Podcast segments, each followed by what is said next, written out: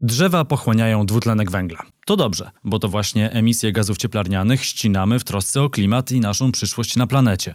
Ale czy sadzenie drzew to dobry sposób na walkę z globalnym ociepleniem?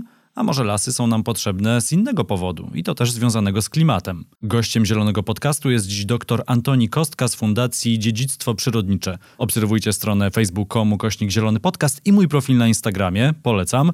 Tam w mojej relacji zawsze dużo aktualnych zielonych informacji, ale też okazja do zadania pytań kolejnemu gościowi albo gościni. To zaczynamy. Krzysiek Grzyman, zapraszam.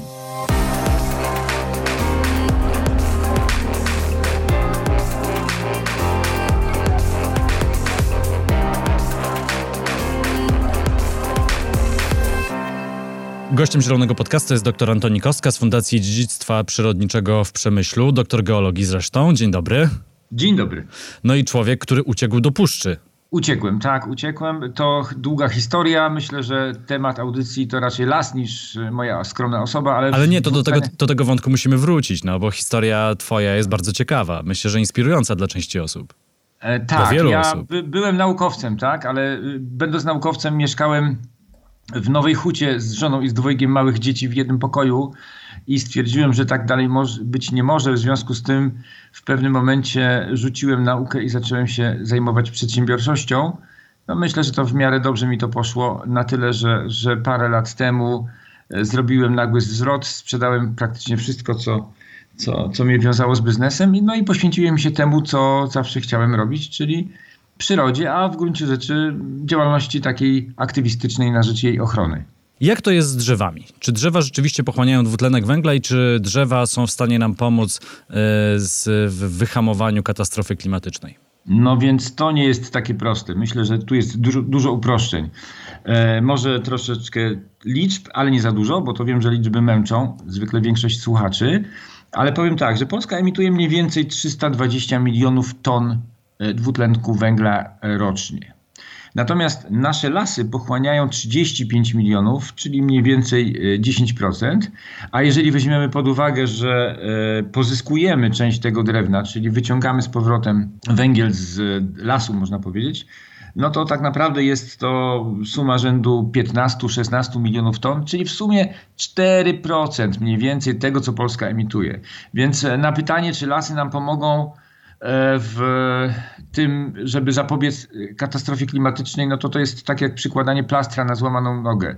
E, prawdopodobnie nie zaszkodzą, ale to nie jest rozwiązanie. Problemem jest emisja. Trzeba po prostu przestać ten dwutlenek węgla wyrzucać do atmosfery. E, lasy są ważne z wielu innych powodów. Nie zaszkodzą w, w sekwestracji węgla, natomiast to nie jest takie rozwiązanie, które nas uratuje. Sekwestracja węgla, czyli to pochłanianie e, węgla. E, wspomniałeś o tym bilansie, e, ile lasy pochłaniają. To może opowiedz jeszcze przynajmniej w kilku prostych słowach, jak to wygląda tak teoretycznie. To znaczy, że drzewa Dobra. wyłapują ten dwutlenek węgla, później go tam składują w tym drzewie, a później jak ścinamy i na przykład spalamy to drzewo, no to buch, wszystko idzie do atmosfery. Jeżeli byśmy sobie wyobrazili taki teoretyczny model, jest duża, płaska powierzchnia, a na niej rośnie pradawny, naturalny las no to taki las z punktu widzenia dwutlenku węgla jest zupełnie neutralny. On tam rośnie, w, w, nim jest składowane, zmagazynowane sporo węgla, ale tak samo dużo węgla jest pochłaniane, jak i wydalane. No, drzewa się e, przewracają po śmierci, no i się rozkładają. No, ten dwutlenek węgla wraca z powrotem do atmosfery i z punktu widzenia obiegu dwutlenku węgla w dłuższej perspektywie taki las jest neutralny. To jest tak zwany krótki obieg węgla, czyli powiedzmy między biosferą a atmosferą węgiel się wymienia w taki oto sposób, że na skutek fotosyntezy dwutlenek węgla jest pochłaniany z powietrza, wbudowywany jest w strukturę e, drzew i w ogóle generalnie roślin, no i później, kiedy ta roślina umiera albo zostaje wycięta, spalona, zjedzona, no to w, w, w, wraca mniej więcej ten węgiel do atmosfery. Natomiast jest jeszcze długi obieg węgla, który jest w skali geologicznej i otóż e, zdarza się tak często w historii geologicznej, tak było między innymi na przykład w karbonie, gdzie węgiel, który został pochłonięty z atmosfery przez rośliny, został następnie wchłonięty przez litosferę, czyli przez to, co jest poniżej, można powiedzieć, biosfery, na skutek różnych e, takich zbiegów okoliczności geologicznych, mianowicie subsydencji bardzo dużej. Po prostu te szczątki rośliny zostały były zatopione i coraz niżej, niżej w, w litosferę były pochłaniane. I na skutek tego zostało wycofana, została wycofana gigantyczna ilość węgla z atmosfery. W karbonie było bardzo mało dwutlenku węgla w powietrzu, było bardzo dużo tlenu. Geolodzy mówią, że dochodziło do samozapłonów lasu, po prostu zupełnie była inna sytuacja. To też było związane z tym, że w karbonie na przykład było bardzo zimno generalnie. Wszystkim się wydaje, patrząc na obrazki tych wielkich skrzypów, paproci, że tam musiał być jakiś tropikalny klimat. Owszem, był w strefie równikowej, natomiast na naszej szerokości geograficznej były wtedy zlodowacenia. No teraz mamy zupełnie inny układ lądów, mamy zupełnie inny układ prądów, między innymi oceanicznych. Taka sytuacja się nie powtórzy. Ona kilkukrotnie w ciągu geologicznej historii miała miejsce, no ale to był okres, w którym węgiel generalnie wchodził do litosfery. No a teraz się okazało, że my, dziś mniej więcej od 300 lat, zaczynamy wyciągać węgiel z tego dużego obiegu i wpychać go do tego krótkiego obiegu. Czyli coś, co się gromadziło setki milionów lat, dokładnie, trzeba powtórzyć, setki milionów lat, jest wyciągane i spalany w ciągu 200-300. Taki okres 200 lat z punktu widzenia geologii to jest e, mgnienie oka po prostu. Czyli mówisz o paliwach kopalnych, e, robimy to w Polsce z dużą dumą, e, z węglem nie chcemy się pożegnać, ale wracając do naszych lasów. Czyli mówisz, że lasy oczywiście nie przeszkadzają, ale też nas przed katastrofą klimatyczną nie uratują. No a co z takimi pomysłami, żeby na przykład zalesić całą Polskę? Teraz lasy to jest ile? Około 30% powierzchni kraju? No gdyby tak, tak zwiększyć powierzchnię lasów dwukrotnie, to by nie pomogło? No niewiele, to znaczy zamiast 4% e, e, naszych emisji moglibyśmy pochłaniać 8. Dalej zostaje 92, w skrócie mówiąc. E, natomiast no, wydaje się, że można by zwiększyć lesistość z 30 być może do 40%, bo taka jest norma mniej więcej europejska, taka średnia. I to jest maksimum tego, co dałoby się zrobić. Nawet gdybyśmy wrócili do sytuacji z czasów Mieszka I, gdybyśmy zalesili 90% Mm, powierzchni Polski, no to niewiele by to pomogło. A czy drewno możemy traktować jako surowiec y, odnawialny? E, bo to też jest, jest bo to też się, bo to też się, dobre pytanie. Bo to też się łączy. Dobre pytanie, dobre pytanie, tak, tak. Oczywiście powszechnie się mm, mówi o nim jako o surowcu odnawialnym, ale jeśli, jeśli się popatrzy na dokładną definicję tego, co to jest surowiec odnawialny, wystarczy do Wikipedii zajrzeć, no to przeczytamy, że to jest surowiec, którego zużycie jest wolniejsze od tego, jak się odnawia. Więc w przypadku drewna, o którym się mówi, że jest surowcem odnawialnym, ta argumentacja idzie w takim kierunku. No cóż, wycinamy drzewo, tak? Z drzewa budujemy coś. No dopóki to coś jest trwałe, no to węgiel jest zmagazynowany w tym czymś. Czy to są ściany kościółka 500-letniego, czy to są, czy to jest domek letniskowy. No w każdym razie to drewno magazynuje trwale węgiel. No ale żeby tak naprawdę trwale ten węgiel nie wypuszczać z powrotem do atmosfery, no to najlepiej byłoby tak, wycinać drzewa i zatapiać je na dnie oceanu. Na przykład. Mm. No, no tak, bo logicznie rzecz biorąc, oczywiście jest to e, o, operacja z ekonomicznego punktu widzenia całkowicie bezsensowna. A ciężko ale... byłoby je tam utrzymać. Oczywiście, no można przywalić jakimiś kamieniami na dnie rowu mariańskiego, ale tylko taki sposób, by wyciągnął z atmosfery na trwałe ten węgiel. Tak naprawdę popatrzmy sobie na swoje meble. Czy, czy, czy ty widzisz jakieś meble w, w, w, swoim domu albo w domu przyjaciół starsze niż na przykład 20-30 lat? E, w domu rodziców mamy meble po dziadkach, więc to jest, e, to jest coś starszego. No, u siebie w mieszkaniu też mam takich kilka vintage'owych mebli, ale generalnie patrząc to jednak, tak jak mamy w modzie fast fashion, e, to mamy, jeżeli chodzi o meble, też taką modę, żeby kupować częściej tanie meble i częściej je zmieniać, niż mieć meble na lata. No oczywiście. No, tak naprawdę można by policzyć coś takiego jak czas połowicznego rozpadu drewna. Tak? Podobnie jak połowiczny rozpad pierwiastków radioaktywnych. Jak długo żyje drewno po wycięciu drzewa? No więc tak naprawdę najprawdopodobniej żyje o wiele krócej niż gdyby żyło pozostawione w drzewie. W związku z tym z prostego porównania do tej definicji wynika, że bynajmniej drewno takim surowcem odnawialnym sensu stricte nie jest ale oczywiście potężne lobby leśników, drzewiarzy, no, stara nam się mówić, że tak jest. I to z sukcesem oczywiście, bo wiemy, jakie są regulacje w tej chwili unijne na poziomie Unii Europejskiej. no, y, taka Dania, która się szczyci tym, że bardzo dużą część energii pozyskuje ze źródeł odnawialnych, to naprawdę wycina estońskie, łotewskie lasy i z dumą prezentuje się jako bardzo zielony kraj. No w gruncie rzeczy to nieprawda jest. Energii wiatrowej też mają dużo. No też mają dużo, ale gdyby tak odjąć te, te spalane, y, to spalaną biomasę, to nie byłoby tak, tak wesoło, jak to na zewnątrz się prezentuje. W związku z tym y, toczy się oczywiście bardzo duży bój, żeby w kolejnej dyrektywie te ustalenia, które poprzednio obowiązywały, żeby przestały po prostu obowiązywać, bo Unia Europejska nie tyle wycina własne lasy, to jeszcze w dodatku bardzo dużo takiego paliwa importuje. Południowe Stany Zjednoczone, czyli Alabama, Georgia, to w tej chwili są olbrzymie plantacje e, drzew, które są ładowane do kontenerów i jadą do Europy i w tej Europie są spalane. Europa jest z tego bardzo dumna, że jest bardzo zielona, więc to jest po prostu jeden wielki humbug. No i należy poświęcić wszystkie siły, żeby jednak tą narrację przerwać, e, zmienić i, i powiedzieć, jak jest naprawdę. Czyli tej biomasie w, w formie drewna mówimy zdecydowanie nie. Oczywiście, że nie tak między nami mówiąc, to, to lepiej spalać chyba nawet węgiel niż, niż e, drewno, ponieważ no, wydajność energetyczna jest o wiele większa węgla. No ale ponieważ dążymy do gospodarki e, zeroemisyjnej, a przynajmniej neutralnej klimatycznie, e, no to rzeczywiście e, z tymi paliwami wszystkimi spalanymi będziemy musieli się żegnać. Coś, co mnie zaskoczyło, to to, że pochłanianie dwutlenku węgla przez lasy i przez drzewa jest niższe niż przez tereny rolnicze.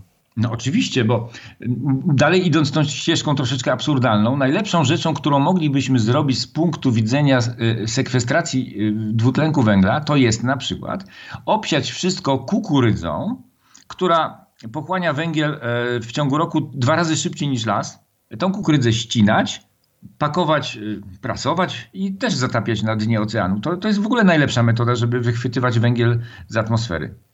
Agrocenozy są o wiele bardziej wydajne. No, z tym, że oczywiście co się dzieje z kukurydzą po ścięciu? No, generalnie jest spalana, częściowo w naszych organizmach oczywiście, albo w organizmach innych zwierząt w ciągu roku, dwóch. No i znowu wraca. Podkreślmy, że w tym całym y, rozważaniu o tym, co, jak działa las, jak działa rolnictwo, najważniejsze jest w gruncie rzeczy to, co się dzieje z tym węglem po wycięciu po ścięciu kukurydzy czy po wycięciu drzewa, bo to jest najważniejsza rzecz, o której się nie mówi, a to jest główna część tego równania. Ale wróćmy do naszych lasów. E, cały czas Aha. chyba będę tak powtarzał w trakcie naszej rozmowy. E, wiemy, jaka jest rola e, drzew, lasów, jeżeli chodzi o redukcję emisji dwutlenku węgla, czy bardziej wychwytywanie, jak ty mówisz fachowo, sekwestrację dwutlenku węgla, ale przecież mamy dużo wiele innych zalet lasów, szczególnie starych lasów, które nas e, otaczają i ich wpływ e, na przyrodę, ale też częściowo, a może nawet w dużym stopniu na klimat, bo klimat się zmienia, ale tam, gdzie nie ma drzew, tam okazuje się, że ten klimat zmienia się w gorszym kierunku. No oczywiście, bo dwutlenek węgla to jedna rzecz, natomiast lasy grają kluczową rolę w obiegu wody. Lasy są pewnego rodzaju taką szczotką, która jest na krajobrazie. Dzięki temu ten krajobraz zatrzymuje wodę o wiele wydajniej niż gdyby był pozbawiony lasów. I co najważniejsze, przy obecności lasów woda wykonuje wielokrotnie pracę. To znaczy, naprawdę jest magazynowana w lesie, las paruje, potem woda z powrotem oczywiście spada do lasu. To, ten cykl się odbywa wielokrotnie. Natomiast gdyby na teren pozbawiony lasu spadł deszcz, no to najszybciej ta woda spłynie do rzeki, spłynie do morza i ta praca jest wykonywana tylko jednokrotnie. Taki dobry przykład to jest właśnie Amazonia. Oczywiście wrócimy do naszych lasów, jak to lubisz mawiać, ale, ale na razie za Atlantyk chwileczkę skoczymy. Otóż tam jest taka sytuacja, że jeżeli byśmy jeszcze bardziej poszli z deforestacją Amazonii, wycinali coraz większe obszary, to nastąpi w pewnym momencie taka sytuacja, że wilgotne masy powietrza z nad Atlantyku nie dotrą w głąb lądu, ponieważ lasy są takim pasem transmisyjnym. Woda spada do lasu, w lesie oczywiście paruje z powrotem, potem znowu kawałeczek dalej w głąb lądu, te masy się przemieszczają, aż wreszcie docierają gdzieś tam do Amazonii peruwiańskiej.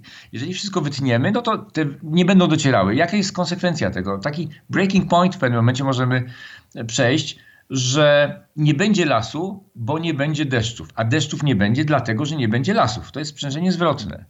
I e, nastąpią procesy, których potem nie będziemy mogli cofnąć. To nie jest tak, że potem zostawimy ten kawałek lądu i on sam z powrotem tak łatwo lasem zarośnie. Nie, tak może już nie być, może być za późno.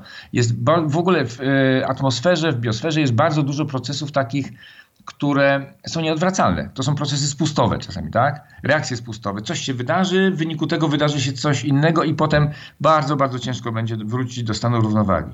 Czy jeżeli na przykład wytniemy dużo drzew w tej Amazonii, e, nie wiem, zmienimy je sobie na e, pastwiska albo przynajmniej na jakąś hodowlę pod e, paszę, no bo wiadomo, że to jest jeden z powodów, dla którego to się dzisiaj dzieje, to mówisz, że później nie będzie tak łatwo tam posadzić znowu lasu, gdy nam nie, się odwidzi. Nie.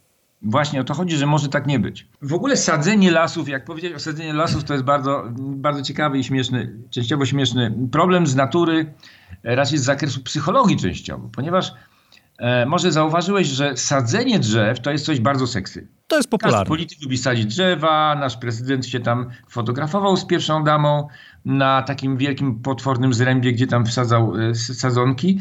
Nawet Unia Europejska w swoim programie na rzecz bioróżnorodności też zakłada, założy e, zasadzenie miliardów drzew, tak? bo to się dobrze sprzedaje, po prostu ludzie lubią, jak się drzewa wsadza. Ale mówisz, że to jest zła działalność? Wsadzanie drzew tak, tak. Ja taką nawet mogę powiedzieć tezę działalność, bo na, najlepszą rzeczą, co możemy zrobić, jest taka. Po pierwsze, dać spokój lasom, a po drugie, nawet dać zarosnąć terenom nieleśnym, żeby zarosły same.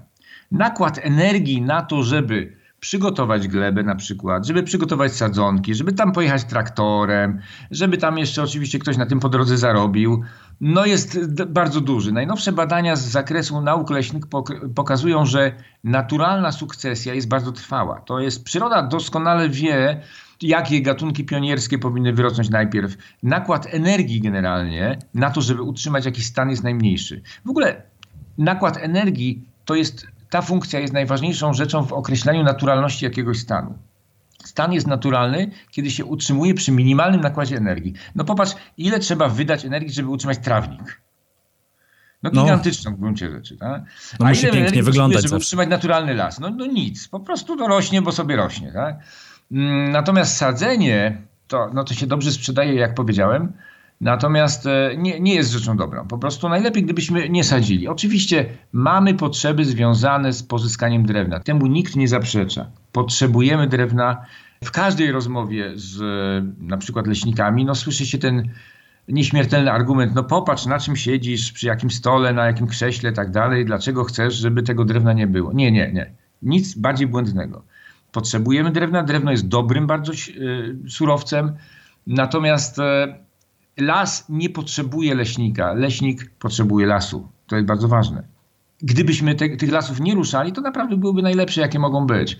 E, sadzimy te drzewa, ale najnowsze badania pokazują, że rzeczywiście samosiew, czyli e, odnowienia naturalne w lesie są też najprostszą rzeczą, najłatwiejszą i leśnicy się do tego przekonują.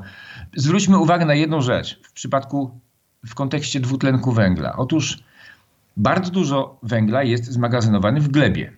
Procesy, nie wiem czy widziałeś jak wygląda sadzenie lasu. Sadzenie lasu polega przede wszystkim na przygotowaniu gleby, na zaoraniu tej gleby, na utworzeniu bardzo głębokich brust. No, ten sam proces w sobie powoduje emisję gigantyczną dwutlenku węgla. Przecież e, w, w, strefach tych północnych bardziej, a już nie mówiąc o borealnych, ilość węgla zgromadzona w leśnej glebie jest o wiele większa niż węgla zgromadzonego w drzewach. Więc naruszanie tej gleby może być z punktu widzenia obiegu dwutlenku węgla o wiele gorsze niż, niż cokolwiek innego, niż wycinanie samych drzew. Ale przyczepię się na chwilę do Twoich słów, bo powiedziałeś nie sadźmy drzew. Dobrze, nie sadźmy drzew pod warunkiem, że nie wycinamy drzew. Tak, tam gdzie wycinamy, tam powinniśmy sadzić. Ale najlepiej by było prowadzić taką gospodarkę leśną, w której nastąpiłoby całkowite e, odnawianie naturalne. Nie trzeba sadzić. Po prostu jeżeli nie wykonuje się tak zwanych zrębów zupełnych, nie wykonuje się, te zręby oczywiście ma, tam jest kilka kategorii, od 1 do 4. Te, ta jedynka, dwójka to są takie najbardziej destrukcyjne, duże. No jeżeli by się ich nie wykonywało, no to praktycznie przy bardzo małych gniazdowych, na przykład rębniach, to wydaje się, że odnowienie naturalne mogłoby w większości zastąpić sadzenie. Mm, oczywiście, z drugiej strony sadzi się pewne odmiany, które szybko rosną, ale to jest taka zabawa w Pana Boga, bo w gruncie rzeczy my nie wiemy, jak będą się zachowywały te drzewa za 50 lat, jakie będą warunki klimatyczne. Mm, e, zasada jest taka w przyrodzie, że trzeba dać szansę wielu różnym genotypom, bo nie wiadomo, co się wydarzy. Przyroda tak to działa. Wysiewa się bardzo dużo drzew. Niektóre sobie świetnie dają radę na początku. Zwykle leśnicy takie preferują, ale nikt nie wie, jak będą sobie radę dawały drzewa za 50 lat. I które? Bo może właśnie te krzywe. Może te krzywe, wolno rosnące, świetnie sobie dadzą radę za 50 lat, w przeciwieństwie do tych prostych, gonnych, które nagle się okaże po 20 latach, no niestety, sorry, nie dają sobie rady, bo choć ładnie wyglądały na początku, a potem odpadły z wyścigu. E, żeby jeszcze jakoś domknąć e, ten wątek, no to rozumiem, że możemy zrezygnować e, z drewna jako z biomasy, no ale co z meblami, co z papierem? No z papieru pewnie będziemy rezygnować w szybszym tempie niż nam się wydaje. Tego papieru potrzebujemy coraz mniej, wszystkie dokumenty mamy elektroniczne i to pewnie 10-15 lat i, i wszystko może być elektroniczne. Co z meblami? Meble mogą zostać drewniane, tylko nie ma problemu. Może umieśćmy to wszystko w kontekście tych wielkości, które w Polsce mamy. W Polsce pozyskujemy rocznie około 40 milionów metrów sześciennych drewna. Ta ilość się zwiększa. Niedawno to było jeszcze 25, ale to nie jest wyrazem rabunkowej gospodarki, jak to czasami niektórzy zbyt krewcy działacze ekologiczni mówią. To jest wynikiem tego, że po pierwsze dojrzewają y, drzewostany powojenne, posadzone po wojnie. Czyli teraz wchodzą w wiek rębności, te, które są młode. Nie zapominajmy, że po wojnie e, lesistość Polski wynosiła około 22%, a w tej chwili mamy to tutaj około 30%. Więc e, na tych olbrzymich obszarach e, posadzono lasy, które w tej chwili dojrzewają. No więc jeżeli one dojrzewają, no to tego więcej drewna jest. Mamy w ogóle więcej dwutlenku węgla w powietrzu i więcej azotu, co też z kolei powoduje, że lasy rosną szybciej. Leśnicy operują na tak zwanych krzywych bonitacyjnych, na takich tabelach, które mówią, jak wygląda sosna w wieku 70, 80, 90 lat, w zależności od siedliska. No i tak się, to też się określa wieki rębności i politykę w ogóle. No tymczasem się okazuje, że te drzewa rosną szybciej i tak naprawdę byłoby sensowne wycinać je nieco wcześniej. To też jest takie przeciwintuicyjne, tak? Bo my chcemy, żeby rosły długo, szczęśliwie, aż do śmierci, a tymczasem być może te sosny, które dzisiaj mają 80 lat, są takie same jak sosny stuletnie 50 lat temu, bo rosną szybciej. W związku z tym trzeba po prostu e, drewno pozyskiwać. Nie ma żadnego problemu, żeby pozyskiwać go na takim poziomie jak w tej chwili. 40 milionów metrów sześciennych można uzyskać bez większego problemu. Uwaga, na coraz mniejszej powierzchni. To jest właśnie klucz całego rozumowania niektórych argumentów, ponieważ my mamy w tej chwili tak zwaną gospodarkę wielofunkcyjną. Czyli właściwie w każdym lesie prowadzi się taką gospodarkę, która sprzyja podobno wszystkim trzem funkcjom lasu, czyli funkcji gospodarczej, społecznej oraz przyrodniczej. A tymczasem się okazuje, że w związku z, tym, z tą wzrastającą produktywnością lasów można sobie wyobrazić taką sytuację, w której tą samą ilość drewna bez żadnego napinania się można pozyskać z 80% lasów, a pozostałe 20 na przykład pozostawić do naturalnego rozwoju i zrobić z nich lasy y, no, naturalne mniej więcej można powiedzieć. Także tego drewna jest, nie wydaje się, żeby go zabrakło. Takie były obawy kiedyś po wojnie, że trzeba po prostu robić wszystko, żeby drewna nie zabrakło. W tej chwili mamy taką sytuację, że że, że jest go wystarczająco dużo. Oczywiście apetyt przemysłu drzewnego jest taki, że gdyby było drewna dwa razy więcej, oni by wcale nie powiedzieli nie. No ale wydaje się, że to są ludzie rozsądni, z którymi można by taki wielki deal zawrzeć, który y, który by sprowadzał się do tego, że w sumie te 40 milionów, które w tej chwili się pozyskuje, to jest ok. To jest ok. I to przy tym takim poziomie da się uchronić bardzo dużo lasów, da się bardzo dużo lasów wyłączyć z gospodarki surowcowej, da się tworzyć nowe parki narodowe, nowe rezerwaty. Na wszystko jest miejsce. E, myślałem, że im powiesz, że trzeba szukać nowych materiałów do robienia mebli, na przykład meble z konopi. Czy zapraszasz do audycji ludzi, którzy się znają na wszystkim? Ja no ale ty dużo jest. czytasz, no. No tak, ale sporo rzeczy nie przeczytałem. Nie, nie, wiem, nie wiem, czy to dobry pomysł, czy nie. Proszę, następne pytanie. E, dobrze, następne pytanie od słuchaczki, od Pauliny. Jak wygląda sytuacja w Polsce i na świecie? Widuje miejsca, które od lat nie miały drzew i teraz się sadzi i odwrotnie, ale jaki jest ogólny bilans? No to jest ciekawe, też Polska na tle świata. No Polska i generalnie Europa na tle świata nie wygląda tak źle. Znaczy generalnie lesistość w Europie wzrasta. Lesistość wyrażona w, jako procent terenu pokryty, pokrytego lasem. Cokolwiek rozumiemy pod słowem las oczywiście, tak? No dużo drzew, dużo drzew w jednej kupie, można generalnie powiedzieć. Teraz tak, czy, czy to są tak zwane twory lasopodobne, jak to kiedyś Adam Wajrak podobał, czy to są prawdziwe lasy? No to jest dyskusja. Każdy, kto pójdzie do rezerwatu ścisłego Puszczy Białowieskiej z dobrym przewodnikiem, spędzi tam parę godzin, jest człowiekiem myślącym i otwartym, wychodzi i mówi zaraz, Jezus, nie. To, co widziałem do tej pory, to były twory lasopodobne. To jest las. To jest las. Mm, e, pierwsze wrażenie jest takie, że króluje tam śmierć. Śmierć i chaos. Drzew poprzewracanych, połamanych, e, martwych. Jest po prostu gigantyczna ilość. Masa praktycznie tego, e, tego materiału jest niewiele mniejsza od masy drzew żywych. Wielki, olbrzymi chaos, bałagan. No, a ludzie nie lubią bałaganu, tak? No bo to też mają tak atywistycznie zakodowane, że, że jak jest bałagan, no to może zaraz za tego pnia wyjść jakiś y, tygrys, y, nie wiem, niedźwiedź, więc lepiej, żeby tak było gładko, żeby można było się rozejrzeć. To jest, ta, to jest tak zwany syndrom sawanny, bo my jesteśmy w ogóle ludźmi z sawanny. I e, umieliśmy dobrze na tej sawannie sobie biegać, a też było naszą przewagą to, że z daleka widzieliśmy, czy nie ma lwa, nie ma jakiegoś, jakiejś pantery. Natomiast nagle nas tu rzucili do lasu, gdzie gdzie taki chaos, taki bałagan. No dlatego też taki, takie kompulsywne sprzątanie wszystkiego. Najgorszą rzeczą, jaką coś, jakiś film zrobił dla rozwoju y, świadomości ekologicznej w Polsce, to byli Carringtonowie.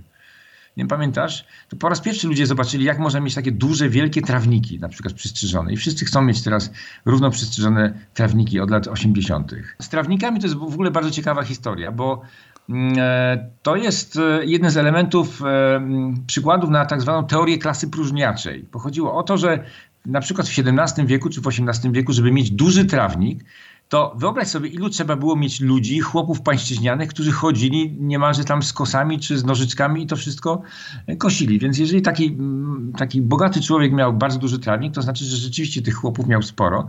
No i ten, ten, ten model przetrwał do dzisiaj. Tak? Mamy duży trawnik, więc w związku z tym w związku z tym jesteśmy bogaci, możemy sobie na coś takiego pozwolić. Ale wróćmy do tych naszych lasów. E, I jeszcze raz to powiem. To, to chyba jak... się rozpędziłem za bardzo, tak? Tak, tak, tak. To, to, powiedz, jak one się zmieniają. No, wspomniałeś o tym, że więcej azotu w atmosferze powoduje, że lasy szybciej rosną. No, mamy zmiany klimatu. To powoduje, że na przykład w Polsce jest cieplej niż jeszcze 50 lat temu. Jak to wszystko wpływa na lasy w Polsce? No, lasy w Polsce wpływa w ten sposób, że tak jak powiedziałem, po pierwsze one rosną rzeczywiście szybciej.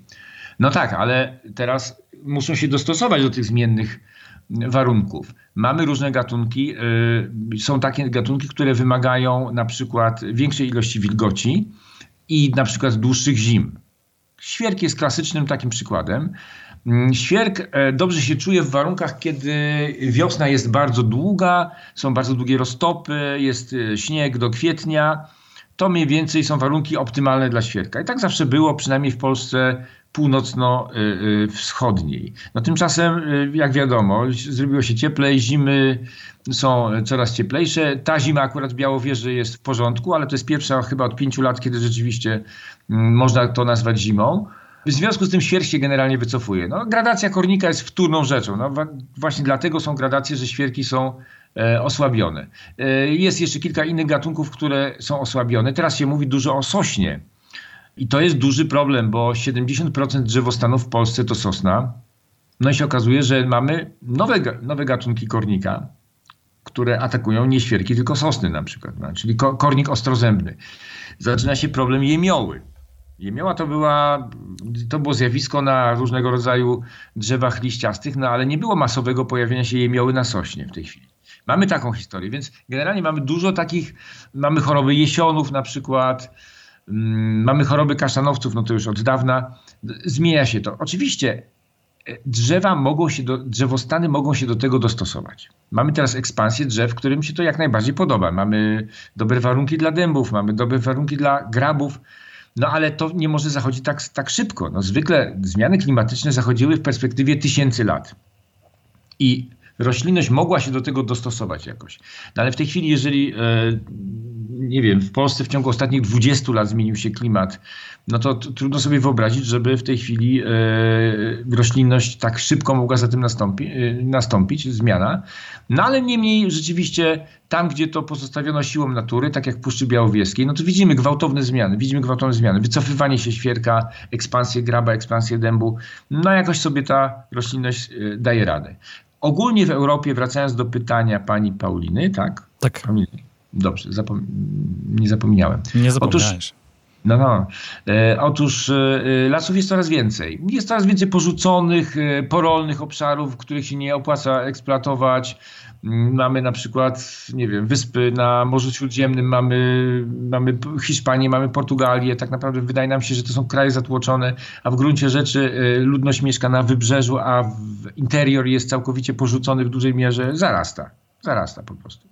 E, czego zresztą są przykładem tego, że na przykład ekspansja jest takich gatunków jak wilk. Tak? Wilk przechodzi z Polski do Niemiec, z Niemiec do Danii. Mm, te populacje alpejskie łączą się już z tymi karpackimi i się łączą z iberyjskimi, więc w sumie tych terenów dla tej zwierzyny jest więcej. No ale to jest Europa, no niestety, a zupełnie inną sytuację mamy w lasach na przykład y, Amazonii czy też y, południowo-wschodniej Azji tam na, następuje deforestacja. I generalnie jest gorzej. Pytałem słuchaczy przed y, podcastem, no bo zawsze tak robię, zawsze zadaję jakieś takie pytanie, no wiesz, czasem zaczepne, czasem za proste, czasem za trudne. Pytałem, czy lasy uratują nas przed katastrofą klimatyczną i Aleksander odpisał e, krótko i dosadnie i wydaje mi się, że to jest dobry punkt do rozmowy, raczej nie lasy państwowe. No właśnie, jak to jest z tymi lasami państwowymi, jak to jest z tą polską szkołą e, leśną? Czy coś się zmieniło w ciągu ostatnich kilku lat? Jest tak dużo gorzej, jak to obserwujemy w mediach, czy po prostu zaczęliśmy się tym interesować? Interesować. Co się dzieje? Zaczęliśmy się tym interesować. Nie jest dużo gorzej. Mówię to z pozycji człowieka, który jest znany z bezkompromisowej krytyki lasów państwowych, ale trzeba umieć krytykować, a nie strzelać ślepakami, jak to się czasami mówi. Otóż e, nie jest gorzej. Dochodzi do głosu nowe pokolenie leśników. Ja mam kontakty z ludźmi, którzy pracują na średnim i niskim szczeblu. Oni sobie zdają sprawę z konieczności pewnych zmian. Następuje tak zwana ekologizacja gospodarki leśnej na przykład mamy coraz większy udział e, gatunków właściwych dla siedlisk, w dużej mierze gatunków liściastych, czyli te monokultury sosnowe są, są powoli, powoli, ale jednak są zmieniane w, w gatunki, w lasy wielogatunkowe. No ale te zmiany zachodzą za wolno. Po prostu to, to jest, wyzwanie jest tak gigantyczne, że tutaj trzeba po prostu podjąć kroki radykalne. Lasy państwowe w Polsce, no to jest e, temat sam w sobie. To jest państwo w państwie. E, nie wiem, czy wiesz, e, że to jest największy posiadacz ziemski w Europie. No wow, nie wiedziałem. Nie, nie, no, no nie, nie, ma, mhm. nie ma jednostki jednej, nie ma przedsiębiorstwa osoby, która posiadałaby czy władałaby taką gigantyczną ilością ziemi. Ponieważ Polska jest dość dużym krajem, większość lasów jest w ręku państwa, prawie 80%. Ogólnie rzecz biorąc jest to jedna czwarta powierzchni. Uważaj, jedna czwarta powierzchni dużego kraju jest we władaniu jednego przedsiębiorstwa. Ale my tak lubimy. No zobacz, z wodą zrobiono to samo. Mamy wody polskie, które odpowiadają za wszystko, co się dzieje teraz na wodach polskich. Oczywiście, tak samo jest. W Polsce to nastąpiło na skutek pewnych zaszłości historycznych. No, przesunęły się nasze granice i teraz tak, wszystko co pozyskaliśmy na, na północy i na zachodzie, tak zwane ziemie odzyskane, mm, tam lasy przeszły z definicji w ręce państwa. I tam na przykład na, w województwie pomorskim, czy zachodniopomorskim, ilość lasów niepaństwowych to jest rzędu procenta czy dwóch. Ale na przykład w Małopolsce lasy prywatne to stanowią, stanowią połowę lasów. O. Czyli a taka Małopolska wcale nie jest mniejsza od Estonii czy Łotwy, więc można by sobie wyobrazić, jakby wyglądały lasy, gdyby powiedzmy mm, nie było takiej dominacji lasów państwowych. Otóż odpowiedź jest prosta. Wcale nie wyglądałyby źle bo lasy małopolskie wcale nie są gorsze od lasów zachodniopomorskich, mimo że w ogóle temat lasów prywatnych jest e, ciekawy i warty zupełnie innej e, audycji. Jest, pokutuje taki mit, że to są lasy rżnięte bez opamiętania i w ogóle gorzej eksploatowane niż lasy państwowe, a to jest wszystko nieprawda. W lasach prywatnych mamy w ogóle bardzo dużo takich perełeczek, mamy de facto rezerwatów sporo. Nie mówiąc o tym, że przyrost lasów Przyrost powierzchni lasów w ostatnich latach prawie wyłącznie następuje na gruntach prywatnych. Lasy państwowe nie zwiększają już swojego zasobu, bo nie mają w jaki sposób. Natomiast e, zwłaszcza tutaj w Polsce centralnej czy Polsce południowej jest cała masa drobnych działek, które po prostu, no po prostu zarastają. Czasami nie wiadomo, kto jest ich właścicielem, czasami ten status prawny jest nieuregulowany. Wujek w Nowej Zelandii, dziadek umarł w Argentynie i tak dalej, i tak dalej. No nie wiadomo, czy ten las i on sobie tak zarasta. Yy, Bardzo dobrze. A wracając do tej polityki leśnej e, w Polsce, czy tej szkoły e, leśnej, no u nas się jednak tnie, tnie, tnie i tnie. Ty mówisz, że nie jest tak źle, po prostu się bardziej tym interesujemy. No ale jak czytamy o tym, że znów szykują się wycinki w Puszczy Białowieskiej, no to się trochę nóż otwiera w kieszeni. Czy tobie nie? No, no nóż się otwiera, to właśnie ten aneks został podpisany, jak wiadomo, wczoraj, czyli dzień przed na, naszym nagraniem kolejny aneks do, do, tak zwanego planu urządzenia lasu. To Ministerstwo Klimatu i Środowiska tak. za tym stoi. Ale to jest kwestia prestiżowa. To jest kwestia prestiżowa. Puszcza Białowieska stanowi jakiś ułamek procenta powierzchni lasów w Polsce. Lasy mogłyby bez żadnego problemu pozbawić się, że tak powiem, tej przyjemności bawienia się w tych lasach. Bez żadnego, bez żadnego Poza tym to jest w ogóle gospodarka deficytowa, nie zapominajmy o tym, to jest osobny temat. Więc właściwie porzucenie tego, przekazanie do Parku Narodowego nie związałoby się z żadną szkodą, ani finansową, ani przyrodniczą dla lasów państwowych.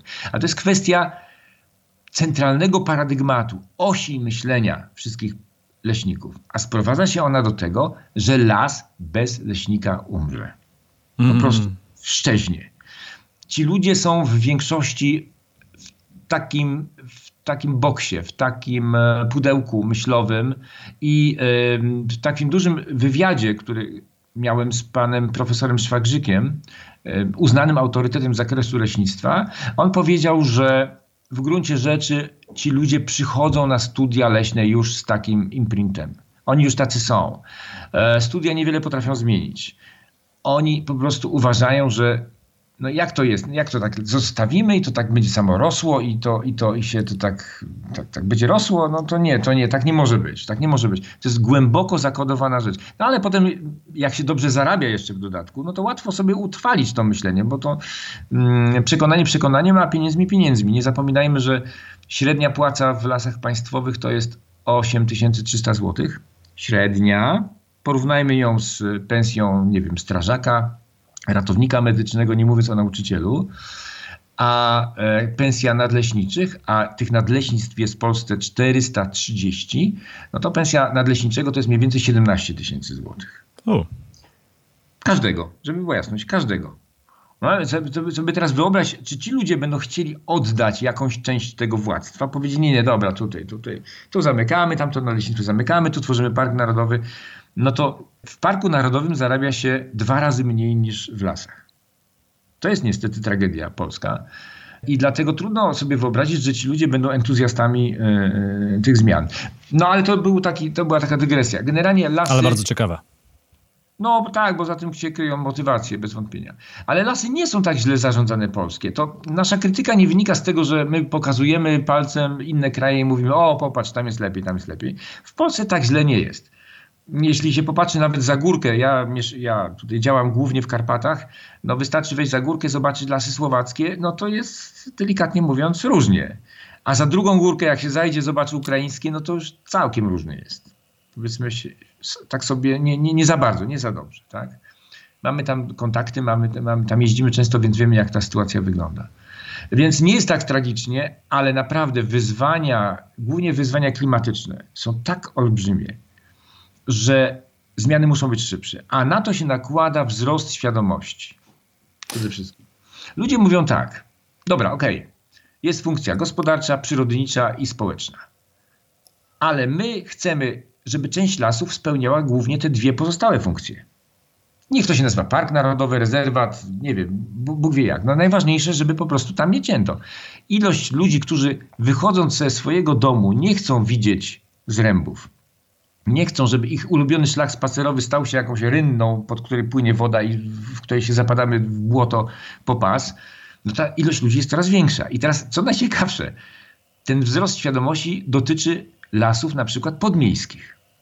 Takie lasy nie zawsze są super wartościowe przyrodniczo. Ale to nie ma, znaczenia, to nie ma znaczenia. Ludziom się takie lasy podobają. Jest taka strona internetowa, nazywa się Lasy i Obywatele, która e, ewidencjonuje wszystkie takie przypadki różnych e, konfliktów, różnych inicjatyw. Jest już ich chyba ze 120 w całej Polsce i co tydzień przybywa nowa. Nawet 21 marca w tej chwili będzie taka ogólnopolska akcja, w której wszyscy, duża część tych inicjatyw będzie brała udział. Wszyscy wyjdziemy do lasu pod hasłem Wspólny Las i będziemy mm, coś w tym lesie robić. Będą happeningi, będą y, sprzątania, różne takie inicjatywy, ale też znowu się odwołam do profesora Szwagrzyka. Mówi tak, tak 10-15 lat temu to lasem to się dziennikarze interesowali tylko raz do roku. Zawsze przychodził ktoś na Akademię Rolniczą i chciał się zrobić wywiad o choinkach. Wtedy wszyscy profesorowie się chowali do, do, gabinetu, mówili, że już, już, nie mogę. No przecież dziesiąty rok przychodzą, te głupie choinki się w kółko pytają, a o lesie nikt nie chce, nie chce się spytać. I mówi, bingo, nagle gdzieś tak 10 lat temu zmieniło się to ilość ludzi, którzy się interesują lasem, tymi procesami, tym, tym, jak to się zarządza, jak to możemy kontrolować, co to jest plan urządzenia lasu, no to lawinowo wzrosła. Po prostu i to są samouki, to są ludzie, którzy zdobywają tą wiedzę bardzo szybko, ale motywowani dobrze, potrafią tą wiedzę zdobyć. I teraz jesteśmy wszyscy partnerami dla leśników, a do nich to jeszcze nie dotarło. Oni po prostu są przyzwyczajeni do, że jak ex-katedra wygłaszają jakąś tutaj e, e, mowę, mówią, nie, no wy nie rozumiecie, my wam tu zaraz wszystko wyjaśnimy. Nie, oni nie mówią porozmawiamy, oni mówią wyjaśnimy. No biedne dzieci, to, to powiedzmy tutaj przyniesiemy wam takie tomiszcze, plan urządzenia lasu, zobaczcie, tu wszystko jest napisane dokładnie jak trzeba zrobić, wy się tam nie znacie. No, na przykład mówicie, że tutaj jest brzydko. No tak, no, to jest jak operacja, to zawsze jak jest operacja, to jest krew, ale potem to się wszystko zagoi, tak? No i takie tam, taki standardowy zestaw argumentów. A ludzie mówią nie. Ludzie mówią nie. Mówią tak. Prawdą jest, że jeżeli cię boli ząb, to idziesz do dentysty. W gruncie rzeczy leśnicy mówią, no jak chcesz porozmawiać o lesie, to idź do leśnika, bo on się na tym zna. A ja mówię tak, nie, to ta analogia z dentystą nie jest dobra, bo ja idę do dentysty, dentysta mówi mi, co może mi zrobić, koronkę, plombę, ale na końcu to ja decyduję, co on mi zrobi. Ja podejmuję decyzję, bo jestem właścicielem tego zęba, mojego ciała. Podobnie jest z lasem. Leśnicy są świetnymi specjalistami w dobieraniu środków, metod do osiągnięcia pewnego celu, a tym celem jest określony stan lasu.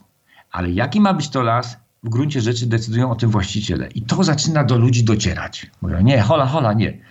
Nam się ten las podoba. Wy mówicie, że tu rosną sosny, na przykład pod Krakowem. Świetny przykład. Las um, wąwozy kleszczowskie. Ludzie mówią tak. Te sosny nam się podobają. Chcemy w ich cieniu spacerować. Ale leśnik mówi, nie, nie, ale tutaj powinny być buki. My wytniemy te sosny, buki będą za 80 lat.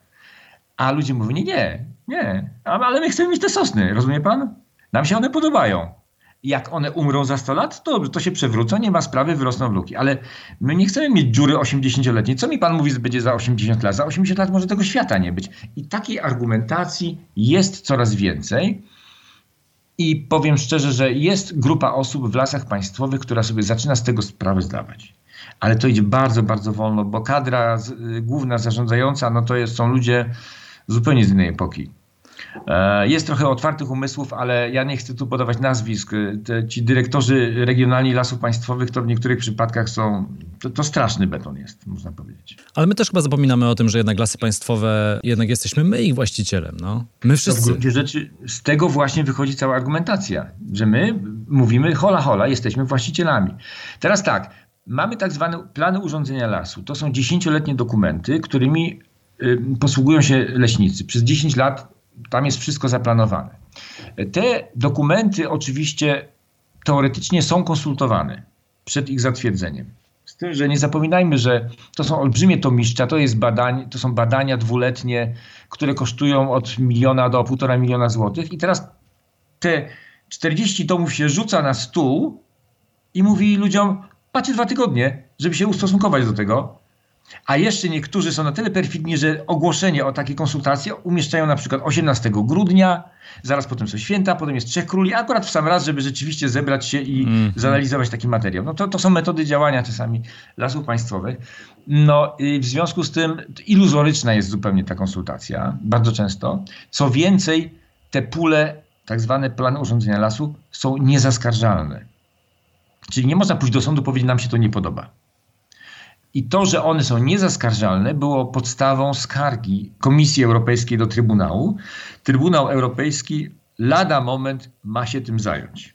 To będzie bardzo poważna sprawa i e, prawdopodobnie, jeżeli takie będzie orzeczenie Trybunału, Polska będzie musiała zmienić prawo. Czyli będziemy mogli jednak traktować tą decyzję o tym pulu jako decyzję administracyjną, jak każdą inną. No bo trudno sobie wyobrazić, żeby decyzja dotycząca jednej czwartej powierzchni mojego kraju była tak zwaną wewnętrzną decyzją przedsiębiorstwa. Bo tak to jest na mocy polskiego prawa. Czyli jest firma, która zarządza jedną czwartą i mówi to, nie, to jest, to jest, to jest mój wewnętrzny dokument. No to, to się właściwie, można powiedzieć, nóż w kieszeni otwiera, tak? Skandaliczne. Tak Słuchaj, mamy już, y, no nie, że mało czasu, bo tak naprawdę podcast mógłby trwać y, w nieskończoność, no ale mamy jakieś ramy. Ty masz jeszcze inne zajęcia przed sobą, ja też dzisiaj, y, więc powoli musimy kończyć. No a co nas czeka, co nas czeka w przyszłości? Słuchaj, co, co na przykład Unia Europejska robi, jeżeli chodzi o lasy, jeżeli chodzi o strategię, jakie są polskie inicjatywy, co się u nas dzieje, o czym się mówi teraz? Co słychać w trawie? Co piszczy, co piszczy w trawie? To piszczy w lesie. No więc tak, jest Europejska Strategia na rzecz Bioróżnorodności do 2030 roku. Ona ma dwa ambitne cele. Pierwszym celem jest objęcie ochroną ponad 30% powierzchni lądowej i wodnej i morskiej Unii Europejskiej. Z tym, że ten postulat jest bardzo miękki. Jakby dobrze policzyć, no to, to w Polsce ponad 30% terenu jest chronione. Czy to są na przykład takimi iluzorycznymi formami ochrony jak parki krajobrazowe albo obszary chronionego krajobrazu. No ale nasi e, decydenci są super mistrzami w e, przekonywaniu, że my w ogóle super wszystko chronimy, więc w pewnym momencie na pewno się pokaże w Europie, że jak najbardziej 35% Polski jest chroniony. Ale tam jest zapis inny, o wiele ciekawszy, mianowicie, że 10% tej powierzchni lądowej powinno być chronione w sposób ścisły. To jest słowo strict protection. Jak ono będzie interpretowane, to jest kwestia naprawdę bardzo dużej teraz dyskusji w Unii Europejskiej. Ale nie można sobie wyobrazić, że to oznacza business as usual. To, to musi coś się zmienić. No dobra, ale się zastanówmy. 10% powierzchni Polski to jest 3 miliony hektarów. Gdzie te 3 miliony hektarów będziemy chronić? No mamy trochę bagien, mamy trochę jezior, dolin rzecznych, wybrzeży morskich, ale tego nie uzbieramy zbyt dużo.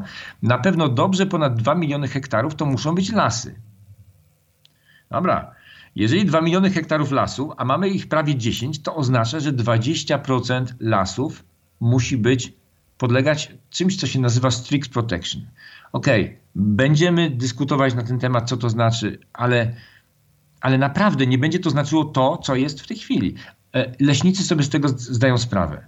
Tylko, że lasy państwowe to jest taki twór o takim janusowym obliczu, tak, tak z, o dwóch twarzach. No bo z jednej strony mamy sygnały, że no tak, faktycznie, no wielkie zmiany przychodzą, nie, absolutnie, tu musimy, możemy porozmawiać, czy tu pół miliona hektarów to, czy pół miliona w tamto, a tymczasem jednocześnie w tym samym momencie zachodzi jakaś bitwa w Bieszczadach o jakieś małe wydzielenie 219, w którym jakieś dziewczyny obozują w zimie cały czas, żeby nie doprowadzić do wycinki, żeby doprowadzić do utworzenia rezerwatu, który ma może 300 hektarów do kupy. No więc albo, albo, można powiedzieć, no panowie czy panie, najczęściej też to są panowie, ale jednak panowie i panie, no to zdecydujcie się, czy chcecie jednak iść w kierunku realizacji tej strategii, jakakolwiek ona będzie, czy uważacie, że dalej będziecie robili politykę na zasadzie ani kroku wstecz. No i tutaj rzeczywiście jest chyba jakaś wielka wewnętrzna burza w tych lasach państwowych, no bo oni sobie zdają sprawę, że muszą coś zrobić, ale nie wiedzą jak. Nie umieją się wycofywać, to ciężko im przy, przychodzi w ogóle, no ale będą musieli to zrobić. I teraz tak, 2 miliony hektarów to jest 20% polskich lasów. Być może można zrobić fajny pomysł, żeby częściowo lasy prywatne wsadzić ten system tych, tych ochrony, bo to nie znaczy tak, że, że, że musi, muszą być to koniecznie tylko lasy państwowe. Na, na, pomysł na to, jak to zrobić z lasami prywatnymi też jest, ale to może nie ma teraz czasu. Natomiast, y, natomiast jest taka inicjatywa, którą y, trochę nasza fundacja patronuje jej, nazywa się Lasy Narodowe y, roboczo i to jest inicjatywa, która pokazuje, które lasy powinniśmy wyłączyć. Ale to specjalnie, 20... specjalnie ironicznie wybrałeś tę nazwę narodowe? A, to była bardzo długa dyskusja, bardzo długa dyskusja, przepraszam, tak, tak, są zwolennicy i przeciwnicy, ale ja bym tego przymiotnika narodowy wcale nie dyskredytował. Przecież ja pamiętam, że przez lata było Muzeum Narodowe, był Teatr Narodowy, nikomu to nie szkodziło. Potem zepsuto to troszeczkę. No zepsuto ale bardzo, no. Ale nie powód, żeby oddawać mhm. ten przymiotnik. Okay. Nie możemy walkowarym oddawać słów patriotyzm narodowy i tak dalej. Chociaż mi się też nóż otwiera w kieszeni czasami, jak słyszę w ogóle słowo narodowe. No dobrze, ale powiedzmy, że mogłyby być obywatelskie, mogłyby być społeczne, ale to, to jest kwestia dyskusji, nieważne. W gruncie rzeczy zrobiliśmy mapę, bardzo szczegółową mapę. Mm, e, to jest cyfrowa mapa, rzeczywiście gigantyczna, która pokazuje, które konkretnie wydzielenia leśne w Polsce mm, powinny być e, zakwalifikowane do, do tego wyłączenia. Oczywiście do tego powinny być powiększone parki narodowe, bo to jest absolutna konieczność. Mm, generalnie rzecz biorąc, jak zarządzać takimi lasami, które byłyby wyłączone z gospodarki, to jest w ogóle osobny problem, no bo jeżeli by rzeczywiście pozyskanie drewna w nich było minimalne, no to trzeba by zreformować te lasy państwowe, bo nie ma sensu, żeby utrzymywać całą masę ludzi, którzy będą tam po prostu no nic nie będą robili, bo byli przy, przy cały ich, ten system był nastawiony na pozyskanie drewna. Zresztą w ogóle śmieszna sprawa, to zawsze o tym opowiadam, żeby wszyscy wiedzieli. Nie wiem, czy wiecie, że w gruncie rzeczy bardzo wiele nadleśnictw w Polsce jest deficytowych czyli są takim workiem bez dna. Najlepszym przykładem są Bieszczady. Żeby, żeby pozyskiwać drewno w Bieszczadach, dopłacamy. Dopłacamy my, jako właściciele lasów państwowych, gigantyczne ilości pieniędzy. Dla porównania, Bieszczadzki Park Narodowy z budżetu państwa dostaje na swoje życie 7 milionów złotych rocznie. A leżące obok nadleśnictwo Cisna, mimo że pozyskuje drewno, musi dostawać dopłat 12 milionów złotych, żeby mogło przeżyć. Nadleśnictwo lutowiska i stóp położone z drugiej strony, tak mniej więcej po 5 milionów muszą dostać, żeby się utrzymać. Czyli ładujemy pieniądze, uwaga, ładujemy pieniądze w coś, co jest szkodliwe przyrodniczo, a w dodatku jeszcze po prostu nieopłacalne. Więc, więc taka, to jest odpowiedź na, na pytanie, a skąd będą pieniądze na to, żeby chronić przyrodę? No to ja mówię, no to proste zamknięcie tych, tych, tych e, nadleśnictw spowoduje, że będziecie mieli na dzień dobry po prostu troszeczkę więcej pieniędzy. No i tak, tak to mniej więcej w Polsce wygląda. Trzeba by te lasy zreformować, bo no nie ma sensu utrzymywać takich małych, deficytowych nadleśnictw. No ale to jest, to jest olbrzymi problem. To naprawdę są, są zmiany duże, które mogą dotknąć. Mm, tam pracuje 26 tysięcy ludzi. Antoni, to jest biznes. Wiesz co, ja byłem biznesmenem przez, przez 20 lat. I ja nie lubię y, y, używania słowa biznes w, w sensie pejoratywnym. Oni nawet biznesu nie robią. Masz rację. To znaczy, powiem ci szczerze, gdybym, gdy, oni zarabiają pół miliarda złotych rocznie. Tak? Ale to jest żaden problem, żeby zarabiali miliard na przykład od przyszłego roku. Ja mogę powiedzieć bardzo prosto, jak to zrobić. Oni nie chcą zarabiać więcej. Biznesmen chce zarabiać jak najwięcej, a lasy państwowe nie chcą zarabiać jak najwięcej. Bo jak zara zaczną zarabiać miliard, to przyjdzie minister finansów powie hola, hola, chłopaki, podzielcie się. Więc oni zamiast wykazywać zyski i musieć się potem podzielić, to wolą sobie zbudować nowe leśniczówki, nowe samochody, drogi donikąd i tak dalej. Ładować po prostu, ładować, ładować w koszty żeby, żeby te pieniądze zostały w lasach państwowych, żeby nie wyszły. Więc to nie jest biznesmen. To, no to, to, Miałem, miałem, miałem może bardziej na myśli, że sobie sprywatyzowali te nasze lasy i, o, i na tym sobie zrobili biznes. Dokładnie tak to mniej więcej jest. No i teraz ruszyć to jest bardzo, bardzo ciężko, ale, ale trzeba ale trzeba po prostu. I tu, tu, tutaj podkreślam, że nacisk społeczny, nacisk wszystkich ruchów e, no jest coraz większy. To, to sytuacja jest nieporównywalna. Bardzo dużo dla tej sprawy zrobiła akcja wokół Puszczy Białowieskiej w 2017 roku. Odzew na to, co się wczoraj wydarzyło, jest taki, że zapewniam cię, na ewentualny protest w Puszczy Białowieskiej pojedzie 10 razy więcej niż 3, 3 lata temu. To prawda to wtedy zobaczymy, co się będzie działo. I tu musimy postawić kropkę. E, no tak, słuchałem o tych lasach państwowych, to pomyślałem sobie jeszcze o innej organizacji w Polsce, która też jest taka silna, ale nie będę wspominał jej nazwy. Ale jest w całej Polsce, Dobrze. wszędzie. Dobrze. E, doktor Antoni Kostka z Fundacji Dziedzictwa Przyrodniczego e, w Przemyślu. Doktor... Nie, nie, nie, właściwie nazwa brzmi Fundacja Dziedzictwo Przyrodnicze. Przepraszam, jak to, jak, to, jak to czytałem, bo przyznam się, czytałem, to od razu wiedziałem, że tym razem przekręciłem. dzięki, ci, dzięki Ci bardzo za rozmowę. Słuchaj, nie, nie porozmawialiśmy w końcu o Twoim przejściu z biznesu, chociaż trochę powiedziałeś na początku, więc wydaje mi się, że jak ktoś chce, to niech po prostu wrzuci e, to nazwisko Antoni Koska do Google'a i to jako jeden z pierwszych wyników e, jest wywiad z Tobą na ten temat. W prasie kobiecej. No, słuchaj, ja nie dzielę prasy na kobiecą. Niedzielę, czy, tak, tak zwanej prasie kobiecej. No, może tak zwanej, tak jest. Dzięki Ci bardzo, no i do usłyszenia przy następnej okazji. Do usłyszenia. Cześć. To był Zielony Podcast, kolejny odcinek w niedzielę. W wolnym czasie zajrzyjcie na stronę facebook.com kośnik Zielony Podcast i mój profil na Instagramie.